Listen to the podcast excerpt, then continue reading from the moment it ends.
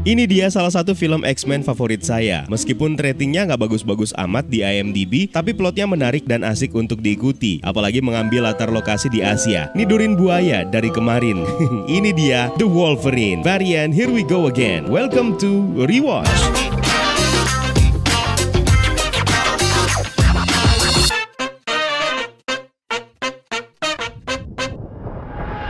Film ini merupakan film kedua dari trilogi Wolverine dan menjadi film keenam dalam series film X-Men secara keseluruhan. Disutradarai oleh James Mangold dan bisa dibilang ini merupakan sequel langsung dari X-Men The Last Stand yang dirilis pada tahun 2013.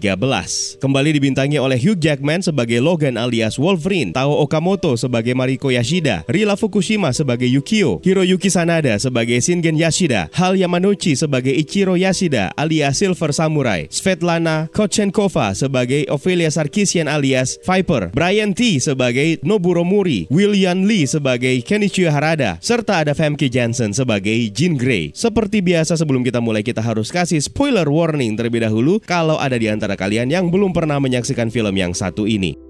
Film ini sebenarnya merupakan lanjutan langsung dari film X-Men The Last Stand, bercerita tujuh tahun setelah Wolverine membunuh Jean Grey dalam film tersebut. Logan dihantui rasa sesal mendalam setelah membunuh wanita yang dicintainya itu, hingga terus-terusan mendapatkan mimpi bertemu dengan Jean Grey. Wake up. I'll never hurt you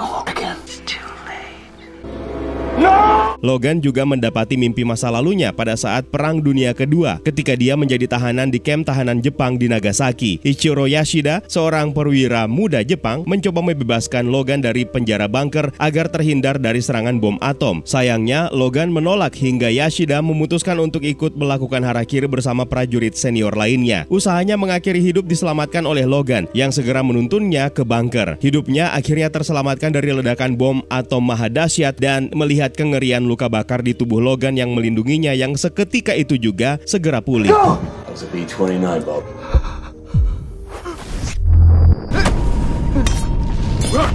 Logan akhirnya terbangun dari mimpi-mimpinya dan berada di sebuah gua di Yukon. Hidup mengasingkan diri dan terlihat sangat tidak terurus. Di lokasi pegunungan ini, dia bersahabat dengan seekor beruang grizzly raksasa. Di toko tempatnya berbelanja, Logan melihat sekelompok pemburu mabuk yang bersiap-siap untuk naik ke pegunungan. Sekembalinya ke gua, Logan mendengarkan tangisan kesakitan si beruang. Untuk membantunya menghilangkan penderitaan atas rasa sakitnya, Logan terpaksa membunuhnya dan menemukan anak panah beracun dari tubuh beruang tersebut. Logan lalu menuju ke sebuah bar dan menemukan satu-satunya pemburu yang masih hidup yang sedang menceritakan kronologi serangan beruang yang buas yang membabi buta. Mengetahui si pemburu ini berbohong, Logan menegaskan kalau sebenarnya si pemburu justru telah meracuni beruang dan membuatnya menderita. Ketika Logan hendak membunuh pemburu tersebut, tiba-tiba Yukio, seorang gadis yang terus-menerus mengawasi Logan, muncul dan menghalangi Logan menghabisi pemburu tersebut dan komplotannya sambil memprediksi kalau mereka akan mati dalam tiga hari ke depan tanpa perlu dibunuh oleh Logan. Yukio lalu memamerkan skillnya memainkan danzan katananya, lalu mengajak Logan meninggalkan bar tersebut.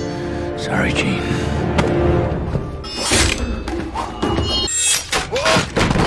Di mobil, Yukio menjelaskan kalau dia diutus oleh Yashida yang tubuh lansianya kini sudah dirusak oleh kanker. Yashida meminta Logan untuk menemuinya agar bisa mengucapkan terima kasih dan selamat tinggal untuk terakhir kali. Setibanya di Tokyo di kediaman mewah Yashida, Logan dan Yukio bertemu dengan cucu perempuan Yashida yang bernama Mariko. Sebelum menemui Yashida, Logan terlebih dahulu harus di makeover biar lebih rapi dan ganteng, sesuai dengan permintaan Mariko. Logan akhirnya diizinkan untuk menjenguk Yashida ditemani Yukio. Get in the tub. one. You look nice. Yashida rupanya berniat mengembalikan sebuah katana yang pernah dihadiahkan kepada Logan atas upayanya menyelamatkan nyawa Yashida dari bom atom Nagasaki. Yashida juga berniat untuk memberi Logan hadiah yang diinginkannya, yaitu menghentikan hidup kekalnya dengan melakukan transfer mutasi penyembuhan regeneratifnya. Tentu saja dipahami Logan sebagai niat untuk membunuhnya, yang membuat Logan malah kesal. Udah ditolong malah mau membalas dengan membunuh. Yashida akhirnya meminta bantuan Logan untuk melindungi cucu perempuannya yang akan menjadi incaran banyak oknum jahat jika Yashida sudah meninggal nanti. Ketika Logan meminta Yukio untuk memulangkan dirinya, Logan melihat Shingen, putra Yashida sekaligus ayah Mariko yang marah dan menampar Mariko. Setelah kejadian tersebut, Logan dengan sigap menyelamatkan Mariko yang berniat bunuh diri. Tidak lama setelahnya, Yukio membujuk Logan untuk bertahan selama satu atau dua hari lagi dengan memberinya kamar untuk tinggal. Dalam tidurnya, Logan kembali memimpikan Jean Grey. Di saat sedang asik mimpi basah, Logan malah menyadari ada yang aneh dan akhirnya terbangun mendapati Dr. Green atau Ophelia Sarkisian yang menjadi dokter pribadi Yashida menciumnya dan menanamkan sesuatu ke tenggorokan Logan. Di pagi itu juga Yashida ternyata sudah dinyatakan meninggal. Di upacara pemakaman Yashida, Logan mendapatkan sambutan yang kurang menyenangkan dari Shingen. Di sini, Logan menyadari bahwa ada seorang pemanah akurat yang bernama Harada yang bersiaga di atap gedung. Ketika Mariko diantar ke hadapan altar Yashida, Logan menyadari lengan pendeta yang membawanya penuh dengan tato yang menandakan mereka adalah anggota Yakuza. Logan pun menerobos kerumunan memperingatkan Mariko yang malah membuat Shingen, Mariko dan juga seorang menteri yang juga menjadi tunangan Mariko yaitu Noburo marah. Firasat Logan ternyata benar. Yakuza membongkar identitas mereka, menembaki Logan dan menculik Mariko. Anehnya, Logan merasakan sakit luar biasa dan kemampuan penyembuhannya tidak bekerja seperti biasa. Dengan bantuan Yukio dan Harada yang melumpuhkan pasukan Yakuza, Logan fokus menyelamatkan Mariko dan terus berlari ke dalam kota.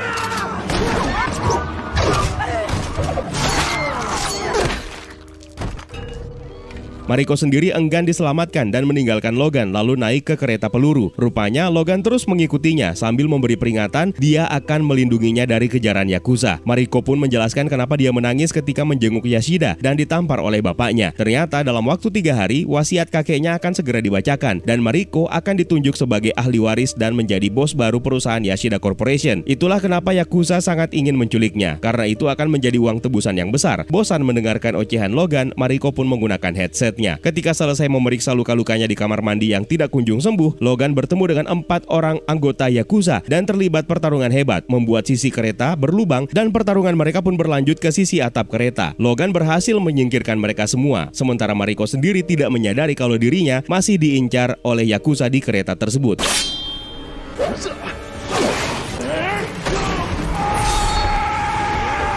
Logan pun memaksanya untuk segera turun, lalu menemukan hotel biasa dan memaksa Mariko untuk menginap di sana. Di dalam kamar, ketika Mariko sedang tertidur, Logan terjaga di balkon hingga berhalusinasi bertemu dengan Jean Grey yang mengajaknya untuk ikut ke dunia kematian. Logan pun akhirnya jatuh tidak sadarkan diri. Mariko lalu terbangun menemukan Logan dan dibawa untuk dirawat oleh seorang dokter hewan yang juga merupakan anak dari pemilik hotel. Di sebuah permukiman kumuh, Dr. Green membunuh seorang pria yang mencoba genit kepada dirinya. Dia lalu menemui Harada yang marah dan meng mengancamnya. Dr. Green lalu meracuni Harada sambil mengungkap identitas aslinya sebagai Viper. Racunnya kembali dipulihkan dan Viper memerintahkan Harada untuk mencari Logan dan Mariko sebelum Yakuza menemukan mereka. Keesokan paginya, Yukio menghubungi Mariko untuk mencari tahu keberadaan mereka. Namun Mariko menolak dan meyakinkan Yukio kalau Logan akan menjaganya. Mariko dan Logan pun akhirnya menuju rumah Yashida di Nagasaki. Tanpa sengaja, Logan menemukan sebuah lubang tempat dia menyelamatkan Yashida pada saat bom atom meluluh lantakan Nagasaki. Japanese sword require two hands.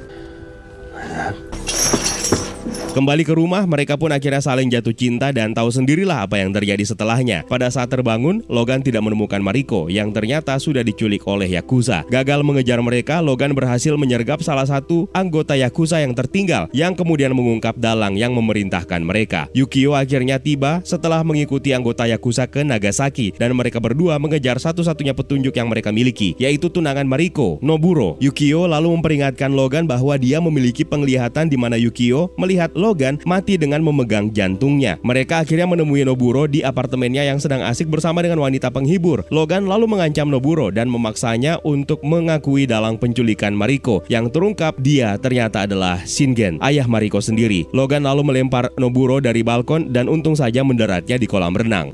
How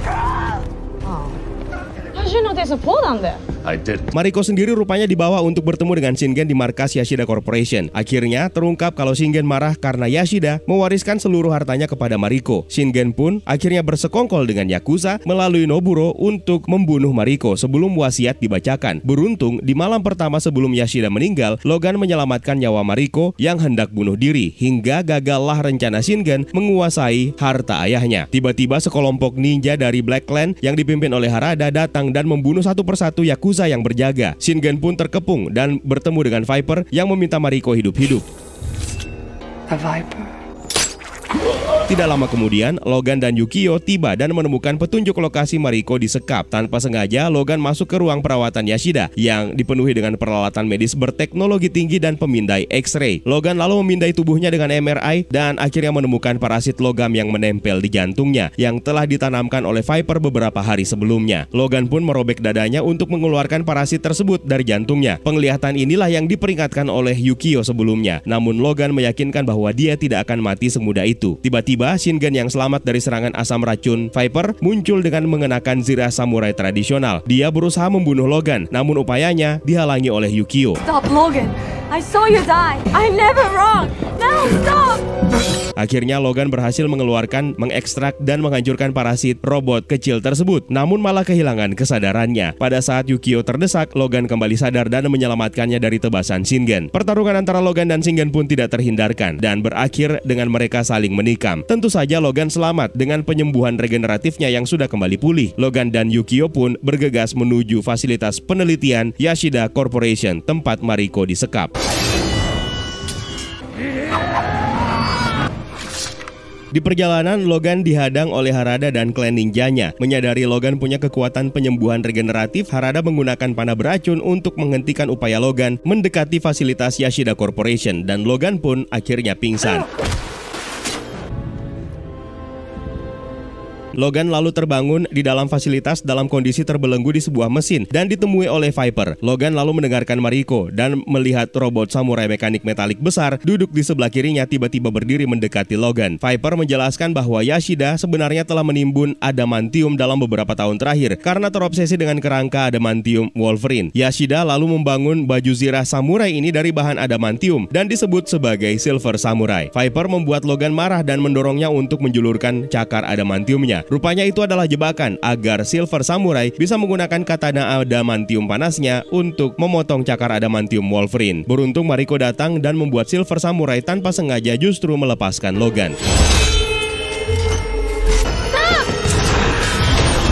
Yukio sendiri akhirnya tiba melalui pintu belakang fasilitas penelitian dan menyelinap masuk hingga berhadapan dengan Viper. Silver Samurai sendiri berhasil memotong sebelah cakar adamantium Wolverine yang membuat tulang asli Logan terlihat dan membuat Logan harus menghadapinya dengan cakar adamantiumnya yang tersisa. Yukio sendiri kembali berhadapan dengan Viper yang masih hidup dan berganti kulit. Kali ini Yukio berhasil benar-benar membunuh Viper dengan menggunakan tali dan menggantungnya.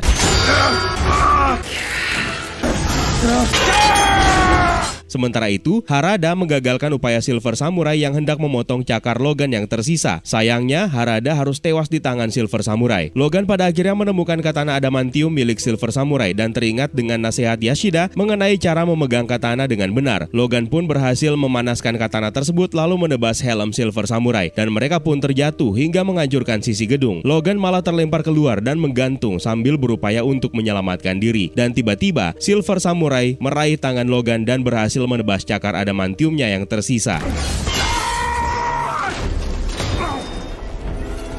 Dan plot twist, rupanya Silver Samurai tersebut adalah Yashida sendiri yang berniat untuk mencuri kekuatan penyembuhan regeneratif Logan agar dia tidak lagi bisa menua. Yashida juga mengungkap bahwa dia sebenarnya telah memalsukan kematiannya dengan bantuan Viper dan menculik Mariko dengan tujuan agar Logan datang ke fasilitasnya tersebut. Yashida pun mengekstrak kekuatan Wolverine melalui cakar tulang Logan. Dalam hitungan detik, Logan mulai menjadi tua sementara Yashida kembali menjadi muda. Diam-diam, Mariko mengambil potongan cakar adamantium Wolverine dan menusuk kepala kakeknya. Logan pun kembali pulih dan menggunakan cakar tulangnya yang asli untuk membunuh Yashida dan mengucapkan sayonara untuk terakhir kali sambil mendorongnya ke jurang.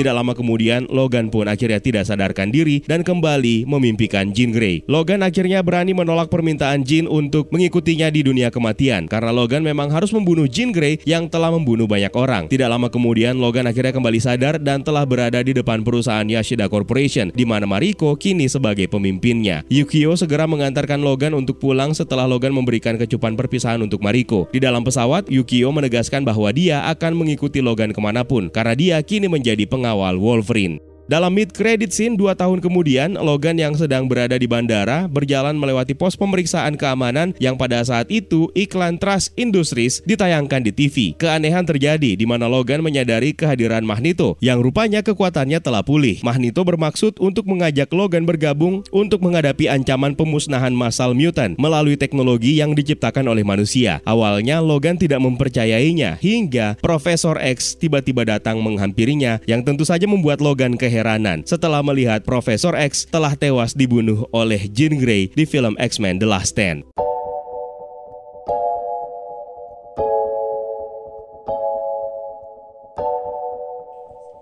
Film ini menjadi film pertama yang di judulnya tidak memiliki embel-embel X-Men, menceritakan perjalanan Wolverine ke Jepang. Kisah sebenarnya sudah beberapa kali diceritakan dalam komik, yang dimulai dari komik Wolverine Volume 1 isu nomor 1 yang dirilis pada tahun 1982. Melihat dari premis cerita, sepertinya James Mangold mengadaptasi cerita dari komik karya kolaborasi Chris Claremont dan Frank Miller tersebut. Salah satunya tentang kisah beruang grizzly yang diceritakan sama seperti di komik, di mana beruang tersebut tersebut diracuni hingga menjadi buas dan membunuh puluhan warga sipil. Film ini juga menjadi debut untuk penampilan salah satu karakter yang pernah muncul dalam film Deadpool yaitu Yukio. Dia sebenarnya merupakan ninja dan mutant yang berasal dari Jepang. Tapi kekuatan Yukio yang muncul di film Wolverine dan di film Deadpool tersebut diceritakan berbeda. Untuk di timeline aslinya, di film The Wolverine, Yukio memiliki kemampuan untuk melihat kematian makhluk hidup. Karakternya diperankan oleh Rila Fukushima. Sementara untuk timeline yang sudah direvisi, Yukio kembali tampil dalam film Deadpool 2 dan diperankan oleh Shiori Kutsuna. Dalam film tersebut, Yukio justru memiliki kemampuan yang berbeda. Dia adalah seorang remaja dan memiliki kemampuan untuk mengendalikan dan memanipulasi listrik. Nah, kebetulan karakter ini pertama kali diperkenalkan dalam komik Wolverine volume 1 isu nomor 1 yang dirilis pada tahun 1982 tadi. Bedanya dalam komik Yukio sebenarnya bukan mutant, melainkan manusia biasa yang memiliki keahlian dalam melempar. Visi penglihatan atau mimpi Yukio terhadap kematian kematian Wolverine memang tidak terjadi dalam film ini, tapi sebenarnya terjadi dalam film berikutnya yaitu Logan, di mana Wolverine tewas setelah tertusuk di tunggul pohon. Dia tewas dengan posisi terlentang sambil memegang tangan Laura. Nah, untuk versi timeline yang sudah direvisi, karakter Yukio sebenarnya lebih mirip dengan salah satu karakter di komik yang bernama Surge. Villain utama yang dihadapi oleh Wolverine dalam film ini adalah Silver Samurai. Tapi ada perbedaan antara live action dengan komiknya. Untuk versi komik, pemegang mantel Silver Samurai sebenarnya adalah Kenuchio Harada alias Ken Harada. Yang mana dalam film ini, Ken Harada justru hanya menjadi pemimpin sebuah klan ninja yang bekerja di bawah perintah Viper. Penampilan pertama Silver Samurai dalam komik terjadi di Daredevil isu nomor 111 yang dirilis pada bulan Juli tahun 1974. Dalam komik Silver samurai ini sebenarnya merupakan ahli kenjutsu dan merupakan salah satu karakter yang expert dalam menggunakan katana. Dia mampu mengeluarkan sebuah medan energi yang bernama Tachyon Field dari dalam tubuhnya dan memfokuskan energi ini ke benda apa pun. Tapi dia lebih sering memfokuskan energi ini melalui pedangnya yang memungkinkan pedang tersebut bisa memotong semua benda. Berikutnya Shingen Ishida. Karakter ini pertama kali muncul dalam komik Wolverine isu nomor 1 yang dirilis pada tahun 1982. Sama dengan di film, di komik ini Shingen juga memaksa Mariko Yashida, anaknya, untuk menikahi bos kriminal yang bernama Noboru. Karakter ini pula lah yang mungkin namanya dipelesetkan dalam film tersebut menjadi Noburo dan dialih profesikan menjadi seorang menteri. Karakter ini diperankan oleh Brian T yang juga sempat mengambil peran penting sebagai villain dalam film The Fast and the Furious Tokyo Drift sebagai DK. Berikutnya ada Ophelia Sarkisian alias Dr. Green alias Viper. Pertama kali debut dalam komik Captain America isu nomor 110 yang dirilis pada tahun 1969. Tapi dalam penampilan pertamanya tersebut dia dikenal sebagai Madam Hydra. Lalu karakter ini kembali muncul dalam komik Captain America isu nomor 180 yang dirilis pada tahun 1974 dan di sinilah dia pertama kali diperkenalkan sebagai Viper. Dalam komik sebenarnya karakter ini bukan mutant murni, dia malah lebih seperti Peter Parker yang merupakan seorang human Human Mutate.